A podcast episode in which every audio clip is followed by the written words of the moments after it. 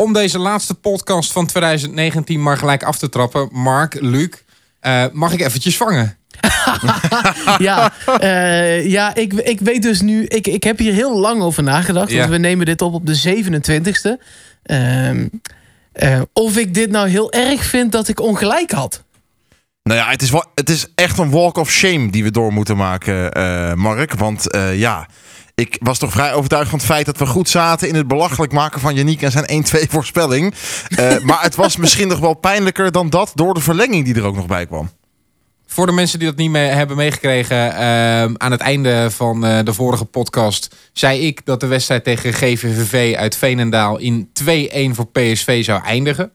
Uh, nou is dat niet eens helemaal gebeurd, want na 90 minuten stond het inderdaad 1-1. Uh, na verlenging gelukkig via Iataren toch nog doorgebekerd. Uh, maar daar stond toch een flesje kruidenbitter op. Ja, ehm, die ga je echt nog krijgen. Maar vind je het heel goed dat we het op dit tijdstip van opname nog heel even overslaan? Ja, dat is goed. Laten we 2020 daar dan mee inluiden. Nou is het ook wel mooi, uh, want uh, je moet, hebt ook eigenlijk wel een flesje kruidenbitter nodig om dit seizoen van PSV een beetje door te komen, toch? Of in ieder geval het kalenderjaar 2019. Als we het zo. Nou, we moeten het uh, behoorlijk wegspoelen, inderdaad. We gaan 2019 maar nabeschouwen.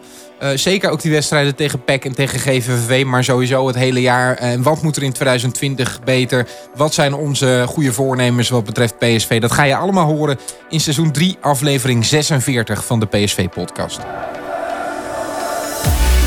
Het is Pablo Rosario die hem in de linkerhoek kegelt, rechts van de keeper.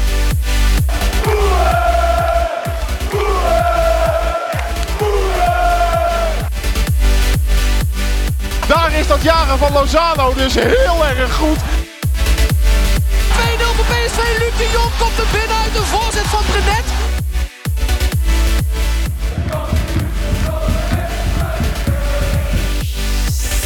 Met Yannick Eeling. Met Luc van der Braak. En natuurlijk ook met Mark Versteden. Ja, uh, mag ik eerst heel even uitleggen waarom ik uh, vind dat... Kijk, uh, ik ga met liefde door het stof. Uh, want uh, ja, wij maakten jou, uh, Luc en ik, maakten jou helemaal belachelijk. Jullie liepen weg. Ja, en we, daarna ook nog toen jij zei, maar dan, dan wordt het 4-0 tegen Zwolle. toen lachten we nog harder. nou, dat scheelde ook niks. Nee. Ehm, maar ik vind het dus ik vind het, vervelend dat, we, dat ik fout zat. En ik vind het kloten dat ik je heb uitgelachen. Maar ik denk ook, ja, ik ben eigenlijk ook wel blij dat ik op dat moment gewoon uh, moest lachen omdat ik de club nog zo steun. En is dat dan nu verdwenen? Want uh, nou ja, je, hebt, je hebt PSV tegen GVVV gezien. Daarna wel die wedstrijd tegen PEC, die stukken beter was. Ja, nou, tijd heelt alle wonden en het is winterstop. Uh, dus uh, ik ben ook wel weer iemand die na de winterstop dan vol goede moed weer aan een soort tweede seizoenshelft gaat beginnen. Um, maar, en daar gaan we het straks nog wel over hebben. Ik vind dat PSV voor die tweede seizoenshelft wel duidelijke, haalbare doelen moet stellen. Uh, want ik, neem geen genoegen met een overgangshalfjaar. En ik zeg niet dat we moeten roepen, we worden toch kampioen. Uh, maar er moet wel iets zijn waar we nog voor strijden. De, de, in ieder geval moet er hard op uitgesproken worden. We gaan nu vol voor de beker, want dat is in ieder geval de laatste fysieke prijs die er is. Maar ik vind ook dat je op gebied van bijvoorbeeld talentontwikkeling echt doelen moet gaan stellen voor, voor het komende half jaar. Hoe hang jij erbij, Luc? Nou ja, de vraag is meer, wat vind je, wat vind je daadwerkelijk belangrijker? De beker of die tweede plek? Um, die beker is natuurlijk eigenlijk de kortste route als je dat zo bekijkt. Uh, maar als je afgaat op het resultaat tegen GVVV, ja, dat is dan, dat is dan natuurlijk behelpen. Ik denk ook vooral wat Mark zegt, dat, uh, dat ja, wij eigenlijk hoopten dat PSV, dat we niet van PSV hoefden te hopen dat je daar dat je krap van GVVV won, weet je wel. Dat je gewoon toch nog als topclub zijnde dat wel zou redden. En dat je zelfs met een, met een klein B-ploegje het nog wel zou kunnen halen. Alhoewel PSV daar natuurlijk slechte resultaten mee heeft gehaald in het verleden. Maar het was vooral natuurlijk een beetje pijnlijk hoe dat ging. En gelukkig is de wedstrijd tegen PEC Zwolle. Die, is dan nog, uh, die sluit dan het, uh, dit, deze seizoen zelf nog een beetje oké af. Maar eigenlijk was het natuurlijk een totale schande tegen, tegen GVVV, die bekerwedstrijd. Dat je de verlenging nodig hebt om tegen amateurs een nipte 1-2 overwinning... Uh, met een doelpunt van een 17-jarig talent uh, binnen te trekken. Dat is natuurlijk wel alarmerend, laat ik het zo zeggen. Was dit de slechtste wedstrijd die we ooit van PSV hebben gezien? Nou, die benadert het zeker wel, denk ik, ja. Ja, uh, en, en toch, er ging heel veel mis hoor. en toch vond ik het vooral een mentale kwestie bij PSV. En niet eh, dat er nou... eh, ja, natuurlijk werd er heel slecht gespeeld. Je mag eigenlijk helemaal niks goed praten nu hoor. Maar ik zag gewoon dat PSV zo ontzettend geknakt was... eh, op het moment dat er een paar kansen van GVVV kwamen. Dan is het ook extra pijnlijk voor PSV... als die kansen van een amateurclub als GVVV komen. En als zij dan ook nog een goal maken... Ja, je ziet zo ontzettend dat PSV met zichzelf aan het worstelen was. Het was niet dat, dat PSV nou eh, technisch zo ontzettend slecht speelde. Uiteindelijk ook. Eh, maar met name het mentale zorgde ervoor dat PSV zo ontzettend in de problemen kwam. En het tempo. Het tempo lag.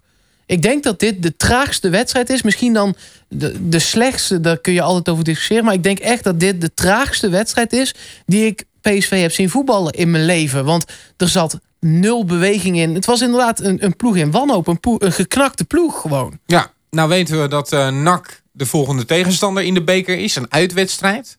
Eh, we weten ook van het afgelopen seizoen dat de uitwedstrijden nou niet heel soepel zijn verlopen. Eh, wat, wat verwachten jullie daar dan van? Het is nog vroeg hoor en we gaan nog een winterstop krijgen. Maar ik weet niet hoe jij daarover denkt, Luc. Nou, die winterstop is natuurlijk alles bepalend in, in, in hoe dat gaat zijn. Eh, of er mentaal iets gaat veranderen in die ploeg. Of daar spelers weer eh, op gaan leven. Of daar misschien een ander eh, tactisch plan bedacht gaat worden. Waar je met de huidige selectie van PSV gewoon ja, beter de zomer mee kunt halen. Laat ik het zo zeggen. Maar je moet eigenlijk gewoon kunnen stellen dat, tenzij het Ajax of AZ is, PSV eigenlijk iedereen in de beker wel zou moeten kunnen verslaan. Zeker met de wetenschap dat je daar ook je pijlen volop kunt richten. Kijk, in andere seizoenen waarbij je nog vol meedeed voor het landskampioenschap en je misschien nog eh, in Europa speelde, dan snap ik dat de, dat de beker gewoon wat minder aandacht eh, krijgt. Je zag dat ook in het successeizoen van Ajax. Die speelde ook nog tot laat in de beker. Ja, dat is toch ook wel eens een keer met een B-ploegje uiteindelijk gedaan. Omdat er gewoon andere dingen prioriteit hadden. En dat snap ik dan ook. Maar dat moet bij PSV natuurlijk niet het geval zijn. Daar moet gewoon alles op de beker. En dan moet dus ja, nak uit, met alle respect. Maar zou eigenlijk geen enkel probleem moeten zijn natuurlijk. Alleen kun je dat op dit moment niet hard stellen. Omdat alle ploegen Nee. die, die in de Eredivisie een beetje het niveau halen wat NAC haalt. Eh, die zijn al moeilijk genoeg voor PSV. Dus het zal Maar toch zeker wel... uitwedstrijden. Ja, zeker uitwedstrijden. En dat zal toch. Ja, ja, ja. Ik ben heel benieuwd of, er, of Faber en zijn staf ehm, iets anders gaan verzinnen. Of of spelers op een andere manier kunnen raken. Of dat ze gaan proberen om met de huidige plannen, met de huidige ehm, ja, systematiek. het seizoen af te gaan maken op een zo goed mogelijke wijze. Daar zal denk ik toch wel veel op aankomen. En het probleem bij die beker is ook, als je hem wil winnen, moet je minimaal één keer in de Kuip winnen. En daar zijn we ook niet zo goed in. Nou, in bekerfinales wil dat nog wel eens lukken. Herakles hebben we daar. oh ja, eh, dat is waar. Ja, ik kan me die tegen. AZ nog herinneren, dat Maher die goal ja, die was wel lelijk, ja. Goed, eh, Maar even, even gewoon eh, kort. eh, eh, eh, als je zou moeten kiezen, eh, willen we dan de beker? Of willen we dan met redelijk vergevorderd stadium Europees voetbal? Eh, eh, maar dan wel Europa League? je komt Of- in de, in de groepsfase van de Ja, Europa League. precies. Of wil je tweede worden met kans op de Champions League? En als dat niet lukt, ben je veel verder teruggeslagen in de Europa League. Dan moet je weer twee of drie voorrondes, zeg maar. Ligt er een beetje aan of je die play-offs meetelt. Maar die moet je dan allemaal weer door. Kijk, mijn gevoel zegt, en dat is toch heel gek, want eh, mijn verstand zou zeggen, het handigste zou die bekerwinst zijn. Maar mijn gevoel zegt toch, als je tweede wordt, dan heb je eh, toch iets meer van het seizoen gemaakt dan dat je helemaal bent weggekukeld eh, eh, van Ajax. Vind ik ook namelijk. En bovendien, die tweede plek geeft volgens mij nog wel recht op voorronde Champions League. En dan geeft mij dat toch nog een soort strohalm dat het dan volgend seizoen wel gaat lukken. Tegen beter weten in. Maar ja, wellicht dat, dat, dat we een hele goede zomer gaan doormaken. En, en dat we dan wel de bazels van deze wereld aankunnen. Ehm, dus, dus mijn gevoel zegt dat PSV beter tweede kan worden. Ook al zeg ik er nogmaals bij, het zou voor, qua verstand veel eh, beter zijn als wij die beker gewoon pakken.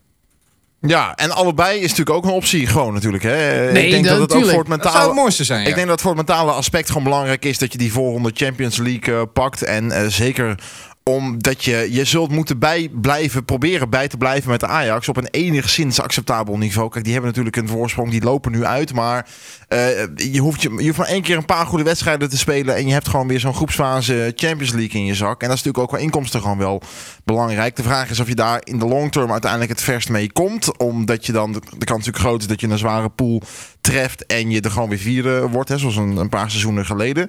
Eh, dan in die zin zou je kunnen zeggen, dan is Europa League misschien beter en handiger. Maar goed, de Europa League is natuurlijk altijd nog een, eh, een vangnet naar die volgende Champions League. Dus nee, ik vind dat je daar zeker voor zou moeten gaan. De vraag is voornamelijk gewoon... ehm, heeft de AZ een seizoen wat ze altijd hebben? Namelijk dat het tot aan de winterstop en een paar wedstrijden daarna allemaal prima gaat. En stort het daarna in? Of hebben zij nu eindelijk een keer de lange adem?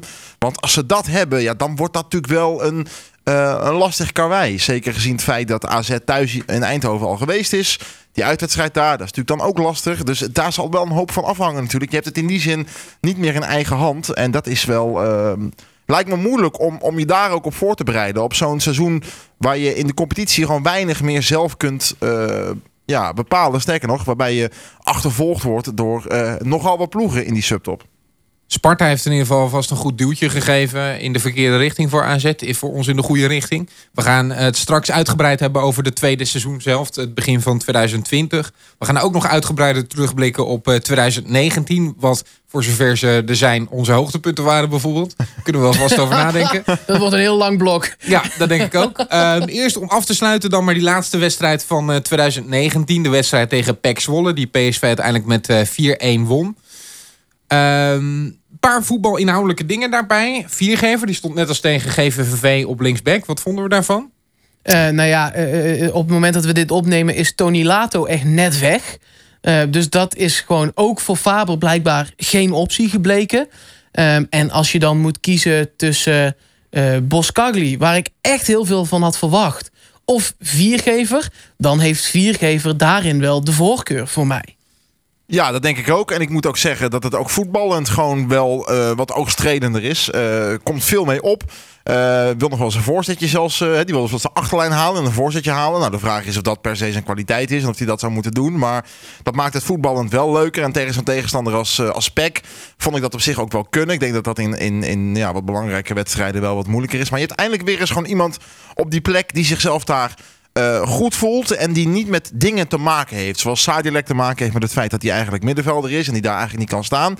Zoals Boskakli te maken heeft met het feit dat hij onzeker is, niet weet wat de trainer met hem wil. eh, eigenlijk helemaal niet gewend is aan de ploeg PSV en aan de eredivisie. Dus het was voor mij heel verhelderend om gewoon eens een keer een verdediging te zien met verdedigers die zich thuis voelen op de plek waar ze stonden.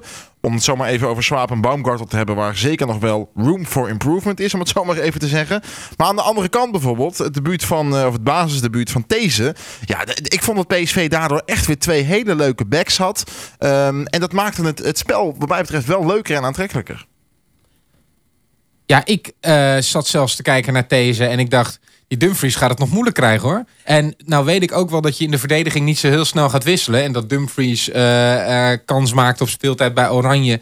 En dat die na de Aanvoerder is winterstop... inmiddels. Ja, die gaat natuurlijk wel gewoon terugkeren in de basis. Maar ik dacht, oh, dit niveau heeft Dumfries de afgelopen weken absoluut niet gehaald. En deze speelde een uitstekende wedstrijd. Ja, ik, ik heb een, een, een, een, eh, een idee. Wat nou als we deze wel gewoon aan die rechterkant laten staan... en je een centrum Baumgartel Dumfries maakt? Nou ja, ik vind Dumfries verdedigend echt niet goed genoeg. Maar die is wel fysiek sterk. Die kan een inspeelpaas geven. Is dat in de eredivisie niet goed genoeg... als je daar eh, een mannetjesputter zoals Baumgartel naast zet? Ja, maar waar vind je Dumfries het allerbeste in? Toch niet zijn inspeelpaas? Nou ja, dit seizoen nog in niet zoveel Nee. eigenlijk... als ik heel eerlijk ben. Nee. Nee, maar hopen we dan dat hij zich herpakt op zijn positie? Of gaan we hem centraal neerzetten en maar hopen dat hij die eh, bal zo snel mogelijk naar het middenveld rost? Of moet deze dan in het centrum? Want ik vind aan dat centrum, jij zei we gaan het er zo over hebben, laten we dat doen. Ik vond dat centrum, vond ik de slechtste twee van het veld. Ja, Tegen ja daar Zwolle. kwam ook die goal uit van eh, Zwolle. Hè? Miscommunicatie tussen Schwab en Baumgartel. Allemaal Degene- Duitsers. Ja. Leuk, leuk dat ze daar achteraf grappen over maakten. Ja. Dat kan als het 4-1 is geworden. Eh, Nee, eh, eh, ik zat met bloedende ogen naar die, naar Ja, die maar paas te kijken. Baumgartel eh, stapte verkeerd in, maar Schwab die begreep het totaal verkeerd. Die gaf die bal verkeerd. Daarna de volgende Duitser ging niet eens naar de hoek bij dat afstandsschot.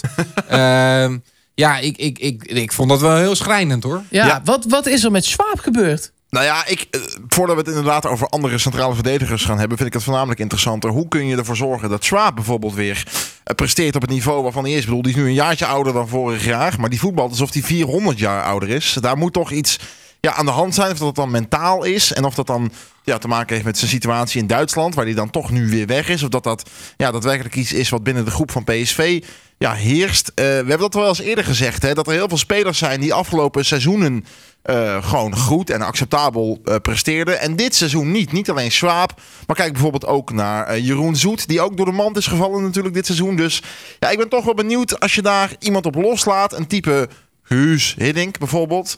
Uh, die, die terug is gekomen. Die, precies, waar gaan we het zo ook nog over hebben. Die misschien ja, iets teweeg kan brengen in die groep. Misschien een andere benadering van uh, ja, het ding wat Mark van Bommel deed.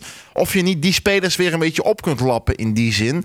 En Baumgartel, ja, ik verwacht daar toch nog steeds wel ja, wat van. Wat we ook wedstrijden gezien hebben. Dat die ja, uitstekend presteerde. En dat is gewoon een jonge, frisse Duitse verdediger. Je zou toch moeten zeggen dat hij op zijn minst zichzelf staande zou moeten houden in de eredivisie. Maar misschien dat de omstandigheden en het klimaat binnen PSV op dit moment gewoon niet ja, dusdanig zijn dat die spelers optimaal kunnen presteren. Dus ik ben wel benieuwd hoe zo'n winterstop en zo'n andere benadering daar misschien iets in kan, uh, kan bijdragen. Uh, maar dat je, daar, dat je gewoon op de linksbackplek een goede linksback moet hebben. Dat heeft deze wedstrijd wel duidelijk gemaakt. Want iemand die daar gewoon als verdediger staat en daar zijn verdedigende taken uitvoert. Dat heb je wel gemist aan de afgelopen wedstrijden.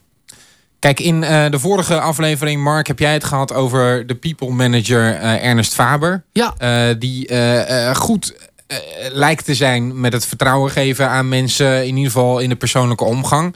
We weten dat Guus Hiddink, nou ja, tactisch ook niet per se briljant was.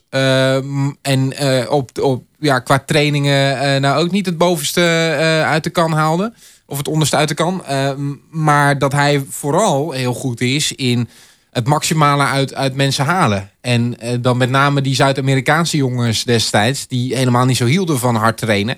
En uh, ja, die, die, die dan in de persoonlijke, persoonlijke omgang toch op de juiste manier wist te kneden. Ik denk dat dat wel lekker is nu hoor, voor PSV om dat erbij te krijgen. Ja, maar ze zijn geknakt, hè? dat constateerden we net al. Want anders speel je niet zo tegen GVVV.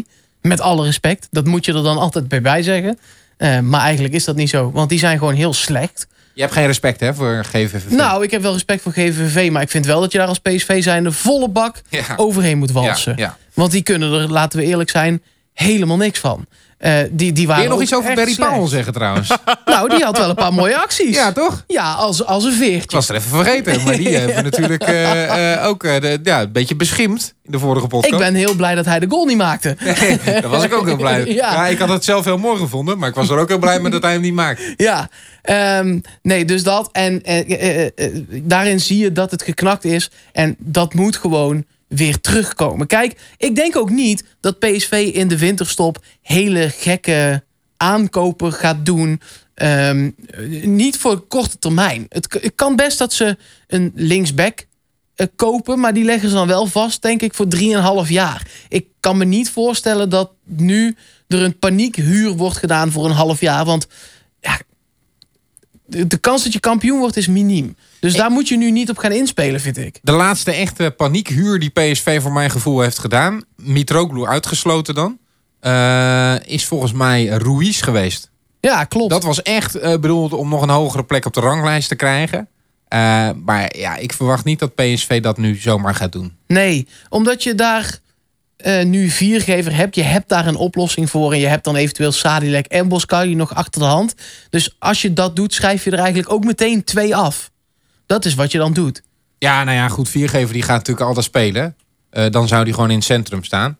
En Boscarli die gaat niet zo snel spelen. Uh, dus uh, volgens mij wordt het de vraag: ga je verder met Baumgartel en Schwab in het centrum? Ik denk dat dat gewoon een beetje de vraag is. Dat denk ik ook. En ik dacht bijvoorbeeld ook nog, uh, ik weet niet wat er met uh, Armando Obispo is afgesproken. Maar die hadden we ook wel goed kunnen gebruiken in deze verdediging. En ik zag bij uh, Pek Zwolle zag ik ene Kenneth Paal spelen. Zo, en daarbij die schoot hem even ook, lekker binnen. Daarbij, de wedstrijd hiervoor, tegen, niet tegen PSV, nee. maar de wedstrijd daarvoor. Nou ja, daarbij dacht ik ook van, goh, als we die nu toch hadden gehad. Het is allemaal als als. maar dat is toch wel vervelend voor PSV. er zit een Brenet in Duitsland heel vaak op de bank. Oh ja? ja dat is ook niet echt een linksback hè? Nee, maar die heeft hij wel gespeeld. Beter dan uh, ja. wat we tot nu toe ja, hebben gehad. Um, middenveld maar even behandelen. Waar uh, uh, ja, Rosario eigenlijk weer door de ondergrens zakte. Dat was vervelend om dat weer te zien. Werd niet gelijk gewisseld. maar gaandeweg de wedstrijd wel. Hendricks keerde daar terug. Viel mij positief op. Hendrik zeker, maar wat voornamelijk interessant was, vond ik, is de uh, omzetting in de tweede helft. Waardoor Doan uh, van zijn plek gehaald werd. En eigenlijk in dat blok met uh, Rosario ging spelen. Um, als die, als die twee verdedigers, die extra verdedigers boven, de, boven die centrale linie van PSV, zeg maar, in de verdediging. Uh, niet de plek waar hij voor gekocht is. Ook niet de plek waar ik hem bij Groningen volgens mij heel vaak gezien heb. Maar uh, dat, was niet, dat was niet heel vervelend, wat mij betreft. Zo'n bijtertje daar. Uh, hoe hebben jullie dat gezien?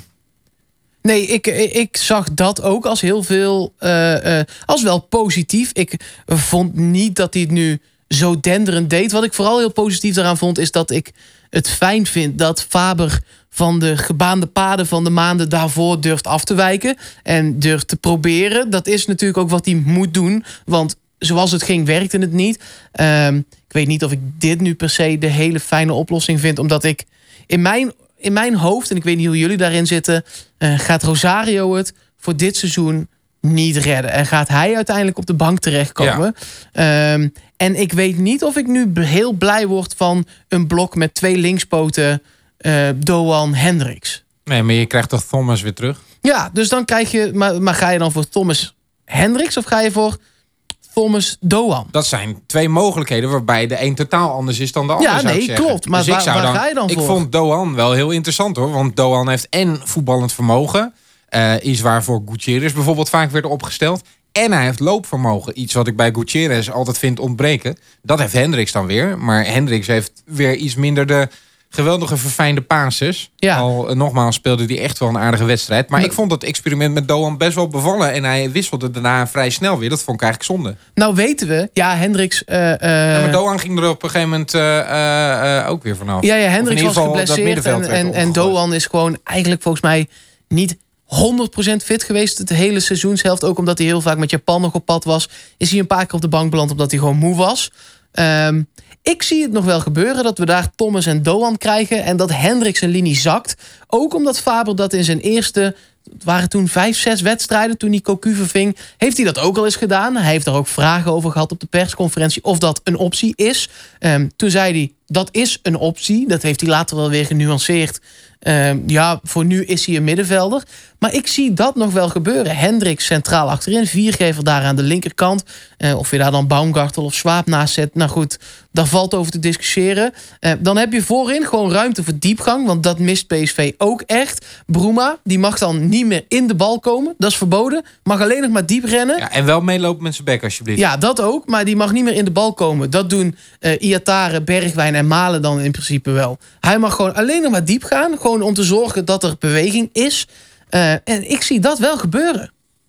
Ja, het is natuurlijk vrij belangrijk dat je dan voorin zeker bent. Dat je daar iemand hebt die ook Doan daar kan uh, vervangen. Daar zijn we over Bergwijn natuurlijk altijd relatief positief geweest. Uh, speelde een redelijke wedstrijd weer. Heeft niet uh, de vorm van zijn leven momenteel natuurlijk. Nou, dan heb je Malen die geblesseerd is. Dus daar moet je ook in gaan schipperen. Maar ja, dan moet je wel zeker zijn van het feit dat je Broema weer opgelapt krijgt. En dat je daarvan kunt ja, verwachten wat je daarvan mag verwachten van iemand die je voor zoveel geld hebt aangekocht.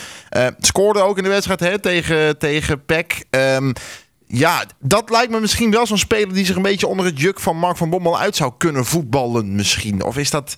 Ja, is dat... ja er is op dit moment de, uh, net na kerst een auto. Die is gestart. Die is van uh, Varsenveld naar... Uh, ja, volgens mij woont Hiddink inmiddels gewoon in Amsterdam, maar goed. Ja, die heeft wel een grachtenpandje hoor. Ja, naar Eindhoven aan het rijden. En ik denk dat, dat hij wel is... Omdat, hij is goed met dat soort typen. Je zei het net al, Zuid-Amerikanen vooruit hij is Portugees, maar, maar hij heeft wel datzelfde, dat, hè, datzelfde dingetje.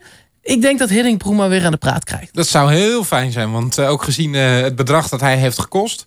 Uh, al zag ik ook alweer geruchten dat hij in de winter uh, alweer uh, verkocht ging worden. Dat, dat, dat geloof ik dan niet zo snel. Naar Canada of zo, toch? Ja, Toronto had volgens mij belangstelling. Goede ploeg overigens wel, Toronto. Die doen daar altijd wel mee. En ze hebben altijd wel knaken, die ploegen. Dus, Zeker. dat, dat zou nog wel een optie zijn. Al, al, denk ik dat niet per se gelijk op de korte termijn. Um, en dan hadden we Gakpootje weer in de basis staan. Uh, die een wereldgoal maakte. Geweldige slalom.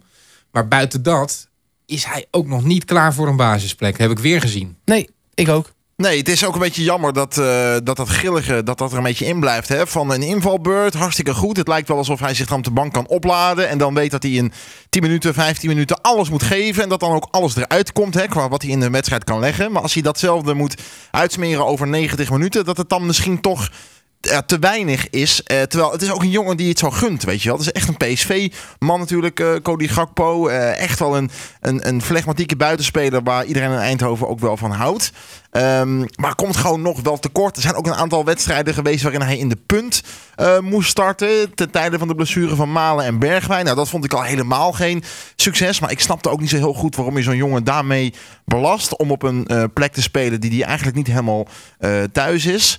Ehm, dus nee, ik denk niet dat dat misschien per se de optie zou kunnen zijn. Om dan, stel je voor, je gaat Doan verhuizen. Om dat dan ja, op te lossen met Gakpo. Dus dan moet je toch het op Bruma gaan gooien. En dat is natuurlijk ook wel iemand waarvan je het eerder mag verwachten. Dat hij gewoon weer staat in de tweede seizoenshelft. En bij Gakpo heb je toch nog ja, een beetje dat je kunt denken, joh, hè, uh, die heeft nog een half jaartje om daadwerkelijk iets te, iets te bereiken. Maar zien jullie in hem uh, een speler voor de toekomst? Is hij iemand die gewoon drie jaar lang de links- of rechtsbuiten van PSV gaat zijn? Absoluut. Zeker. Absoluut. Die gaat er echt wel komen. Uh, technisch heeft hij het. heeft een goede voorzet.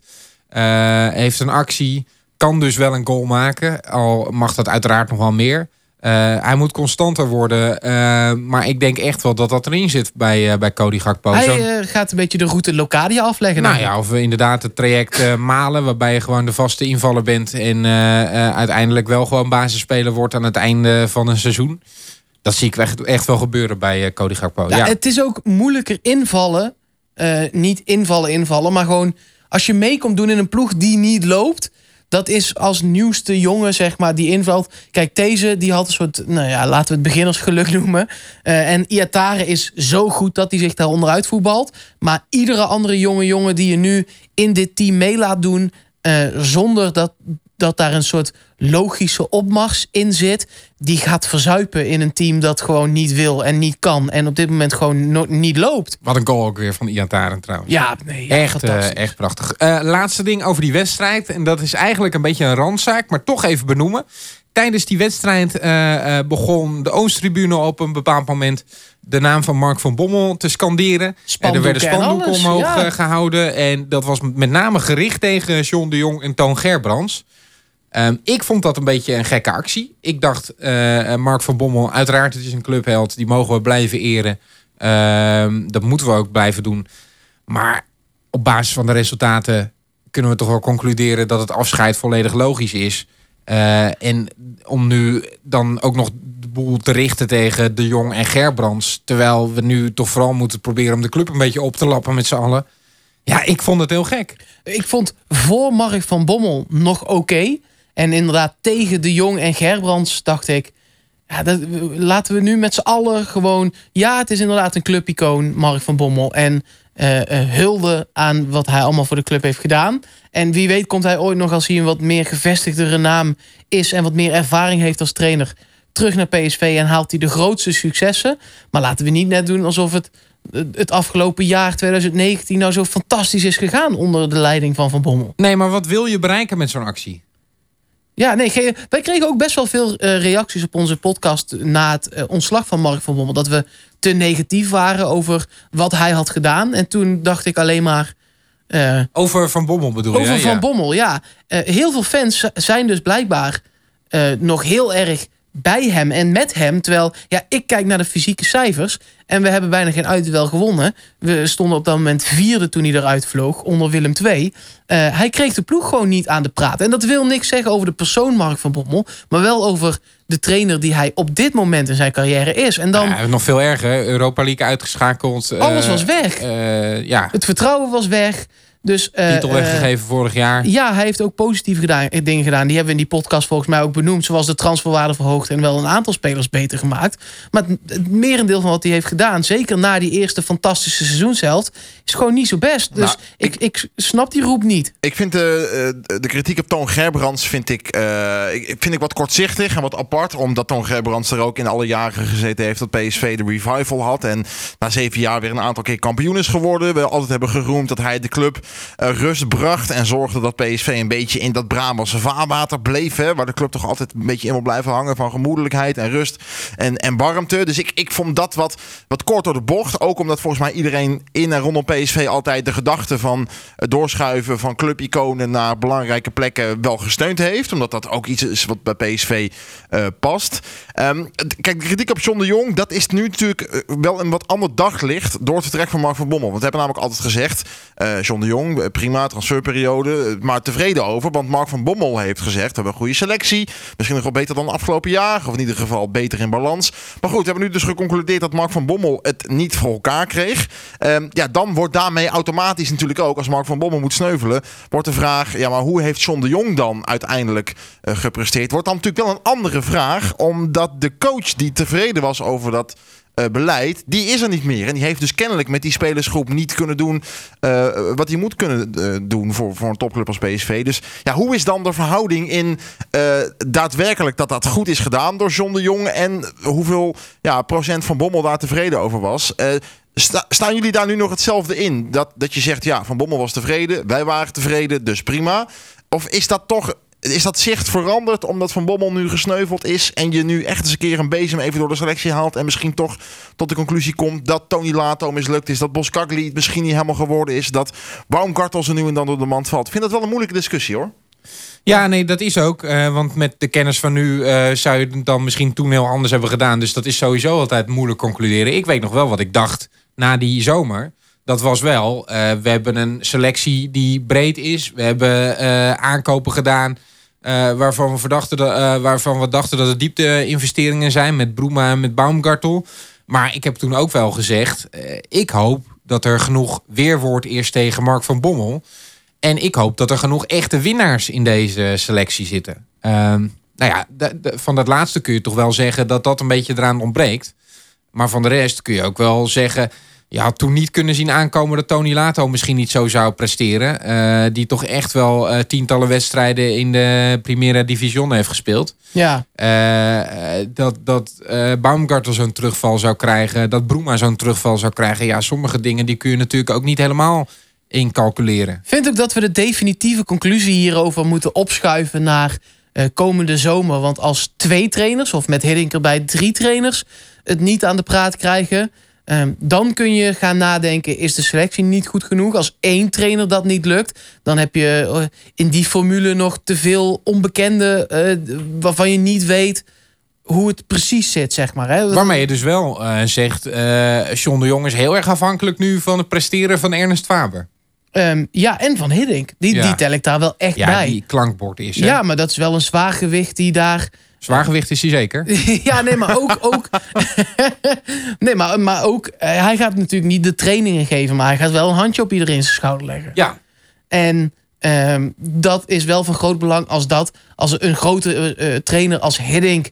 eh, eh, eh, ook geen snaar kan raken met die spelers... dan heb je het verkeerde type speler gehaald. toch dat is durf dat ik wel wel- hard te stellen. Toch is wel een interessante discussie, vind ik. Want ehm, ik weet niet of het een hele goede zet zou zijn om dan eventueel komende zomer ook de, de, de functie van John de Jong tegen het licht te houden. Want je gaat daar al een nieuwe trainer krijgen. Nou, dat wordt al iemand, dat, dat kun je nu wel uittekenen. Dat wordt iemand niet uit de PSV gelederen. Dat wordt geen Cocu of Van Bommel of Van Nistelrooy of whatever die, die terug gaat Nou, Vennegoor staat hoog in de, in, in de scoutingsrangorde. hoor. Ja, dat, dat, denk ik, dat snap ik. Maar eh, ik denk toch dat PSV gaat kiezen voor iemand die iets onafhankelijker eh, ja, bij PSV staat, zeg maar. Hè, zoals dat in de afgelopen 15 jaar ook wel eens gebeurd is. Dat er gewoon passanten kwamen die het gewoon twee, drie jaar goed moeten doen met PSV en weer door.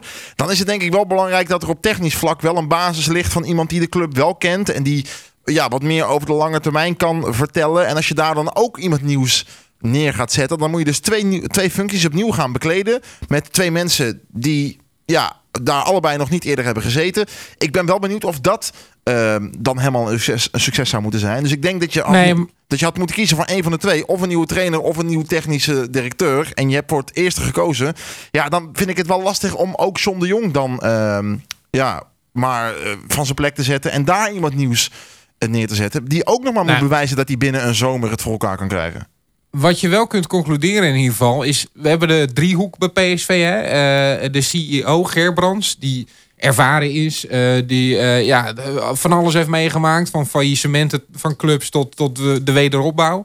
Dan is er eh, een hele jonge en onervaren trainer geweest met Mark van Bommel. Nou ja, die had eh, eh, dan daarnaast ook nog een technisch directeur... die in het eerste jaar nog wel redelijk kon varen op de koers van... een andere hele ervaren kracht, namelijk Marcel Brands. Maar ja, als, als dat op een bepaald moment ook een beetje weg gaat vallen, alle dossiers, en hij op eigen benen moet gaan staan, ja, dan zie je dat twee van die drie plekken binnen de driehoek van PSV toch behoorlijk onervaren zijn. Misschien is dat ook wel gewoon veel te veel geweest voor PSV. Dat alleen Gerbrands dan eh, zo ontzettend ja, door de wol geverfd is in de voetballerij. En moet je daar eigenlijk niet twee van de drie in ieder geval eh zwaar gewicht hebben Ja. binnen de Ik, organisatie. ik, ik vind het wel mooi dat jij eh Brands aanhaalt. Ik ben het met je eens zo. Misschien dat er inderdaad meer ervaring op twee van die drie plekken moet zijn. Want Brands is wel echt het goede voorbeeld van hoe het kan zijn. Hè? Die heeft bij Everton afgelopen zomer een bak met spelers gehaald. Hè? Eh, eh, van Barcelona kwamen ze. Echt, echt de portemonnee goed getrokken. De vorige trainer kreeg dat niet aan de praat. Nu is er een trainerswissel geweest en pakken ze achter elkaar punten tegen Chelsea, United en Arsenal. Is dat, het kan ook een schokeffect zijn, het kan straks weer instorten. Maar het kan ook eh, eh, betekenen dat het soms gewoon aan de trainer kan liggen. Nou, en over Brand zelf, eh, die werd in het be- begin ook een beetje eh, beschimpt eh, vanwege de aankopen die hij deed. En uiteindelijk eh, ging hij eh, op de schouders van de supporters de deur uit. Dus het kan ook wel weer goed komen. En ik denk ook dat het goed is voor PSV om te benadrukken dat die plek van technisch directeur nog meer dan de trainer echt een langetermijnfunctie is. En dat zegt John de Jong ook wel in de weinige interviews die we hem zien geven. Dat hij echt voor de langetermijnvisie is. En ik denk dat het goed is voor PSV. Zullen we het gaan hebben over de hoogte- en dieptepunten eh, uit 2019? En dat we dan in allebei de categorieën, zowel hoogte als dieptepunt, eh, er eentje uitkiezen. Alle drie. Nou, dat is goed. En als er dan nog overblijven die we per se willen benoemen, dan doen we een soort bonus track. Ik heb er stiekem wel een paar in mijn hoofd, maar Luc mag af- aftrappen van mij. Nou, laten we, dan, eh, laten we dan met het negatieve beginnen. En het, we eerst alle drie een dieptepunt benoemen. Lijkt me, lijkt me een goed idee. Ja, ik kom dan toch wel eh, vrij snel uit op de twee eh, kansloze nederlagen in de Europa League. Die zijn nog vrij recent natuurlijk. Maar dan, als ik daar eentje uit moet pikken, dan is dat voornamelijk de wedstrijd die PSV speelde in Portugal tegen Sporting. Ja, ik vond dat echt het toonbeeld van een uitgekleed PSV dat echt een soort ja, figurant was in een vriendschappelijke wedstrijd van Sporting Lissabon. Zo leek het een beetje.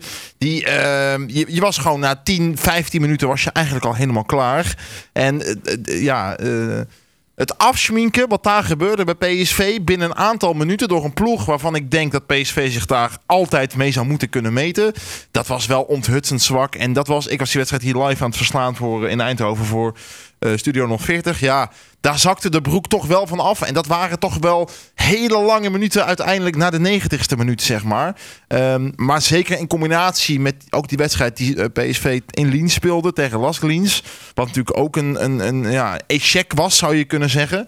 Eh, ja, dat, die steken er bij mij wel echt als dieptepunt bovenuit. Mede omdat PSV daardoor de goede positie die het had in die Europa League pool. Laten we niet vergeten dat PSV gewoon bovenaan stond hè, in die pool. Eh, ja, in een aantal wedstrijden gewoon helemaal ehm, ja, voorbij heeft gegooid. Daar kun je ook die 0-0 in Eindhoven bij betrekken. Die ook wel uiteindelijk bepalend is geweest. Maar dan ja, voornamelijk het, het spel tegen Sporting en Liens daaruit. Ja, dat was echt van een dramatisch niveau. Dat was echt PSV onwaardig. Voor mij, eh, want dit is uiteraard, ik denk, het grootste dieptepunt van, eh, van deze eerste seizoenshelft geweest. Voor mij is het dieptepunt toch ook wel die uitwedstrijd tegen Basel geweest. Eh, want we hadden zo ontzettend euforisch nog de overwinning over de streep getrokken in Eindhoven, die, die 3-2. En dat we daarna de daar afgingen met types als Sainsbury en Lucassen. Nou, dat vond ik ook wel. eh, dat types als Sainsbury, Lucassen en Beach speler van PSV zijn geweest, is toch ook wel een dieptepunt, Dit hoor? seizoen nog, hè? Ja, ja, zeker. Ja. Ehm, dus dus dat, dat, dat, die pijn voel ik ook nog steeds wel. Dat, dat, we, dat we gewoon niet in staat zijn geweest om tegen eh, FC Basel. Want die heb ik toch meerdere keren gezien voor die wedstrijd al, eh, geanalyseerd. Daarvan dacht ik, nou, dat moet PSV toch echt wel kunnen, kunnen redden. Maar als je het afgelopen half jaar bekijkt, dan is het ook wel logisch dat PSV dat niet gered heeft. Nee. Voor mij is het eh, grootste dieptepunt uit, vorig seizoen, uit de vorige seizoenshelft. Omdat dat het eerste moment... We gingen toen, dat vergeet je haast, 2018 uit... met een voorsprong in de eredivisie op alles en iedereen. Met een Champions League uitschakeling. ehm, na wedstrijden die nog niet eens zo slecht waren met een jonge ploeg. Zo interpreteerden we dat toen in ieder geval. Ehm, en toen gingen we 2019 in en eigenlijk viel alles uit onze handen. En dat kwam voor mij allemaal samen in die wedstrijd in de arena tegen Ajax. Waarin het ook nog gewoon had gekund. Hè? Je had daar weer op acht punten uit mijn hoofd kunnen komen of zeven punten. Ehm, en dan was je gewoon kampioen geworden eh, dat jaar. En dat verspeelde je daar tegen tien mannen ook nog. Maar er flitsen nu ook weer Emma uit, Utrecht uit, Ja, aan mij voorbij. Nee, ja, zeker. Maar die wedstrijd daar, toen was het klaar. Ondanks dat we nog een kleine voorsprong hadden, wist je eigenlijk zeker... ehm, dat gaat Ajax nog, nog, nog voorbij streven. Ehm, die wedstrijd ging het er echt om en we gaven gewoon niet thuis. Nee, zonde. oh, en Eh, we waren nog zo dichtbij, want Luc de Jong pro- kopte pronkelijk nog gewoon die bal binnen. hè? En PSV was die 10 minuten van de wedstrijd. En toen kwam Toen de door overtreding van moeten Zwaap. drukken. Ja, ja dus eh, eh, die, dat is eh, het diepste dieptepunt voor mij. 2019 is wel gewoon een rampjaar. Dat kunnen we concluderen. Ja, zijn er hoogtepunten überhaupt? Zwaap is daar wel een beetje het, eh, eh, de verpersoonlijking van. Ja, iemand moet een keer een barbecue voor hem gaan organiseren. Ja, ja dat, laten we dat eh, voor 2020 in ieder geval op de Ja. agenda zetten. Dat willen wij best op ons nemen. Ja, Ho- hoogtepuntje doen dan ook? Hoogtepuntje doen? Ja, doe maar. Ja, doe maar. Kom maar door. Nou, mijn Als je hoogtepunt, erin kan vinden. mijn hoogtepunt van eh, afgelopen jaar was de vaste aanstelling van eh Medi Jansen bij eh, PSV TV. Denk ik. Dat vond ik. Nee, ja, dan kom je toch al snel uit bij Ihatare, denk ik. Ihatare zijn, eh, zijn, zijn doorbraak slash toch wel vaste eh, ja, waarden zijn in de ploeg. En voornamelijk het feit dat er weer een, een jeugdspeler bij PSV is doorgebroken. Waaraan je gewoon ziet dat het uiteindelijk een, een, een bizar hoog niveau kan gaan worden. Waar hij op kan gaan acteren. Ik denk dat veel mensen hem misschien ook nog wel hoger inschatten dan Memphis Depay in zijn eh, tijd. En dat was natuurlijk al iemand waarvan we dachten, dat wordt een hele grote jongen. Nou, die heeft ook een aardige carrière natuurlijk. Maar ik denk wel dat Ihatare uiteindelijk op termijn eh, ja, op nog hogere clubs kan gaan mikken qua waar hij zijn carrière voort kan gaan zetten. En voornamelijk het feit dat hij ook stabiel blijft en constant. En dat PSV aan hem echt weer iemand heeft om ja, gewoon echt iets rondom op te bouwen. En die je niet af en toe kunt brengen om iets te forceren nog, maar dat je nog even moet wachten tot hij er kan zijn. Maar het feit dat hij er, ondanks al zijn sores in zijn privéleven en eh, ja, ook natuurlijk eh, ja, de, de omstandigheden bij PSV die niet heel goed zijn momenteel, dat hij er kan blijven staan en dat hij af en toe dingen doet, ja, waarvoor je als, ik haat die term, maar voor, waarvoor je als toeschouwer naar het stadion gaat. Ja, dat is wel heel positief en dat uh, vind ook, vind ook fijn dat PSV het voor elkaar heeft gekregen om zo'n talent gewoon binnen de jeugdopleiding te houden. Want hij zal ongetwijfeld ook in de A1 van PSV op wat scoutingslijstjes van wat grotere clubs hebben gestaan. Maar kennelijk heeft PSV het dusdanig gedaan dat hij zich bij PSV thuis voelt. En wordt natuurlijk heel spannend als zijn contract opengebroken moet gaan worden. Hoe dat, uh, hoe dat gaat zijn. En daar zal ook komende seizoen zelf natuurlijk wel voor afhankelijk uh, van gaan worden. Van hoeveel potentie ziet zo'n jongen nog? Hè? Wat, wat is het plan? Wat gaat er gebeuren? Ik ben er toch heel benieuwd naar. Februari wordt hij 18 volgens mij. En ja. dat zou dan het moment uh, moeten gaan zijn. Ik denk wel dat we uit de eerdere keuzes van Iataren en zijn familie kunnen afleiden dat in ieder geval wel verstandig wordt nagedacht. Uh, en dat we wat dat betreft niet heel erg snel bang hoeven te zijn. Nou ja, is het nog wel verstandig om te blijven? Dat is in, wat Luc zegt wel waar. Als PSV nog twee jaar in deze vorm verkeert. Ja, dat, dat, dan zou ik niet nog twee jaar bij PSV blijven. Precies. Uh, maar ik denk dat nu voor Iataren heel slim is om nog te blijven. Want uh, bij grotere clubs moet je je afvragen of je dan inderdaad gelijk gaat spelen. Bij PSV gaat het nu lekker. We weten ook wel dat Iataren misschien ook nog wel een keer een terugval gaat krijgen. Al vertoont hij daar absoluut geen uh, voorverschijnselen van. Maar dat kan gewoon. Hè? Het is echt nog een hele jonge speler. Uh, ik denk dat, het, dat Luc wat dat betreft ook het gras een beetje voor onze voeten wegmaait natuurlijk. Dat is gewoon het natuurlijk. hoogtepunt van het ja. jaar. Nou ja, laten we niet vergeten, uh, dat was mijn hoogtepunt. Dat we een uh, bekerronde verder zijn gekomen in yeah. 2019. De Kruidenwitter! Ja, die fantastische overwinning tegen GVVV. Nee, ik zou die klapper van Malen zou ik nog wel in herinnering willen oh, brengen. Ja. ja. Vijf goals. Ja. Ja, dat was het je eigenlijk wel wel. gehad, hè Mark? Dan Ja, mag jij... ja, lekker, lekker om in zo'n jaar als derde te moeten.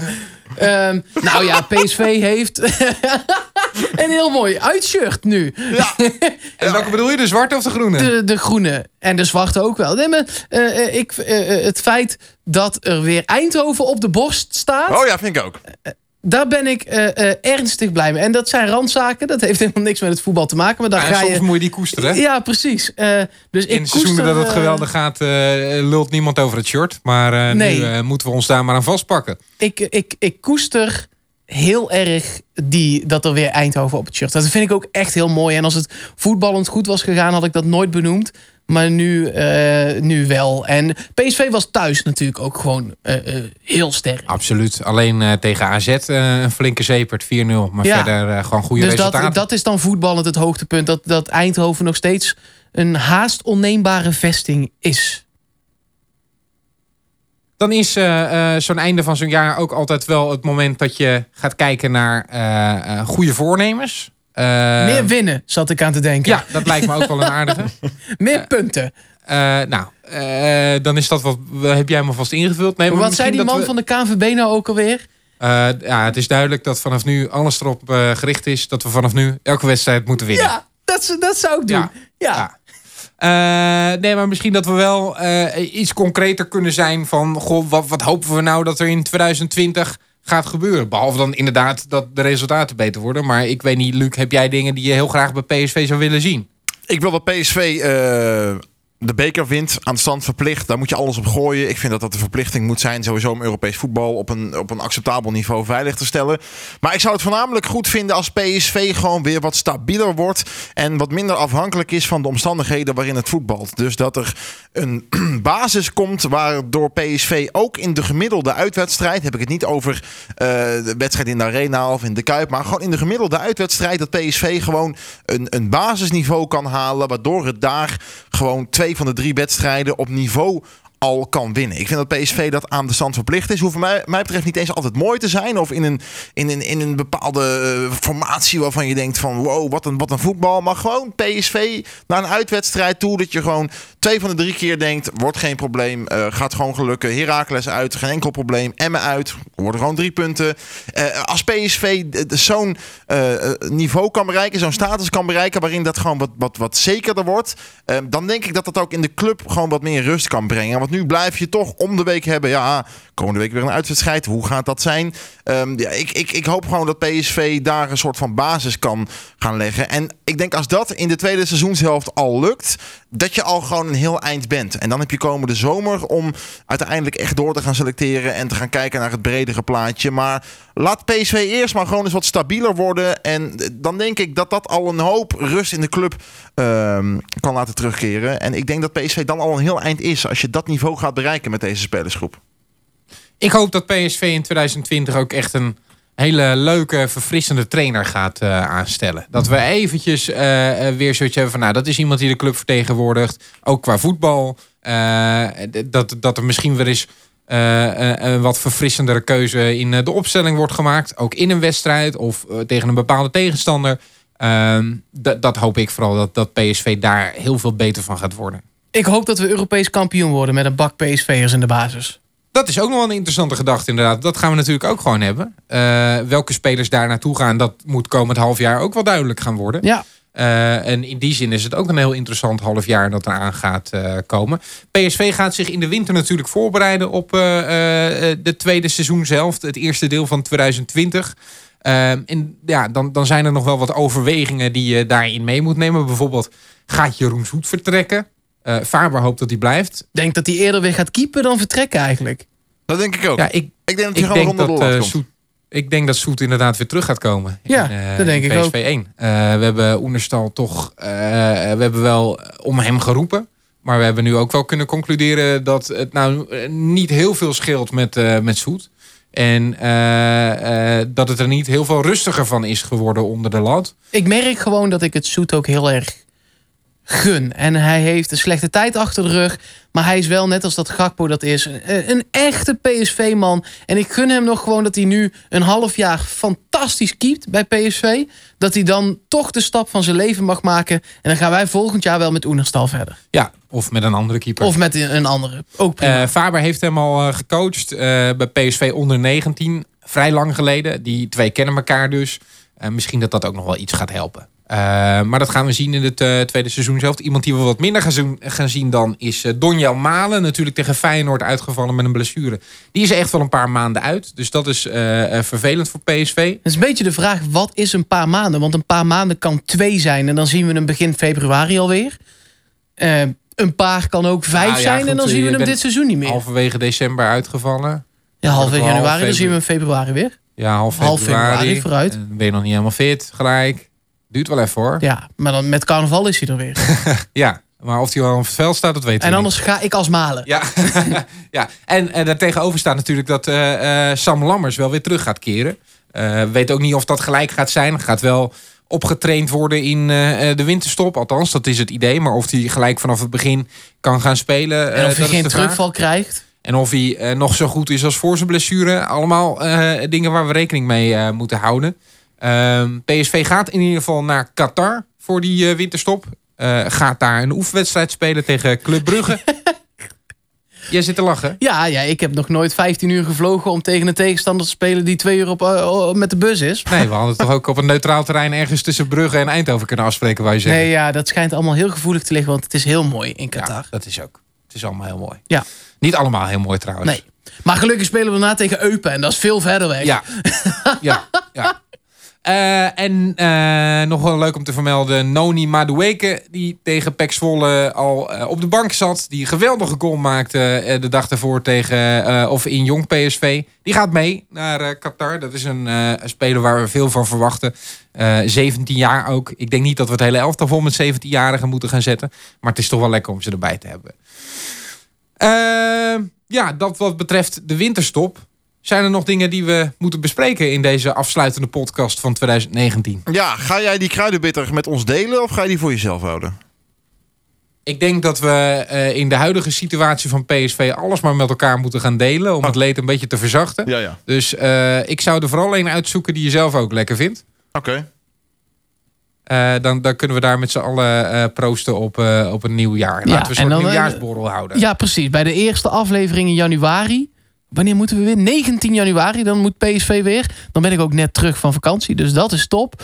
Ehm, Jij gaat naar Qatar, toch? Ja, ik ga naar Qatar. Ja. Eh, om af te spreken met een eh, vriend van mij. Die woont om de hoek bij mij. Eh, en we, gaan, we spreken af in Vriend Qatar. uit Brugge. ja, maatje van mij uit Brugge. Die zie ik in Qatar. Dus dat komt helemaal goed. Nee, nee, nee. Ik, nee, nee, nee. Dat gaat het niet worden. Maar, want we, nemen, we hebben nu opgenomen om 8 uur 's ochtends. Dan is kruidenbitter een beetje onhandig.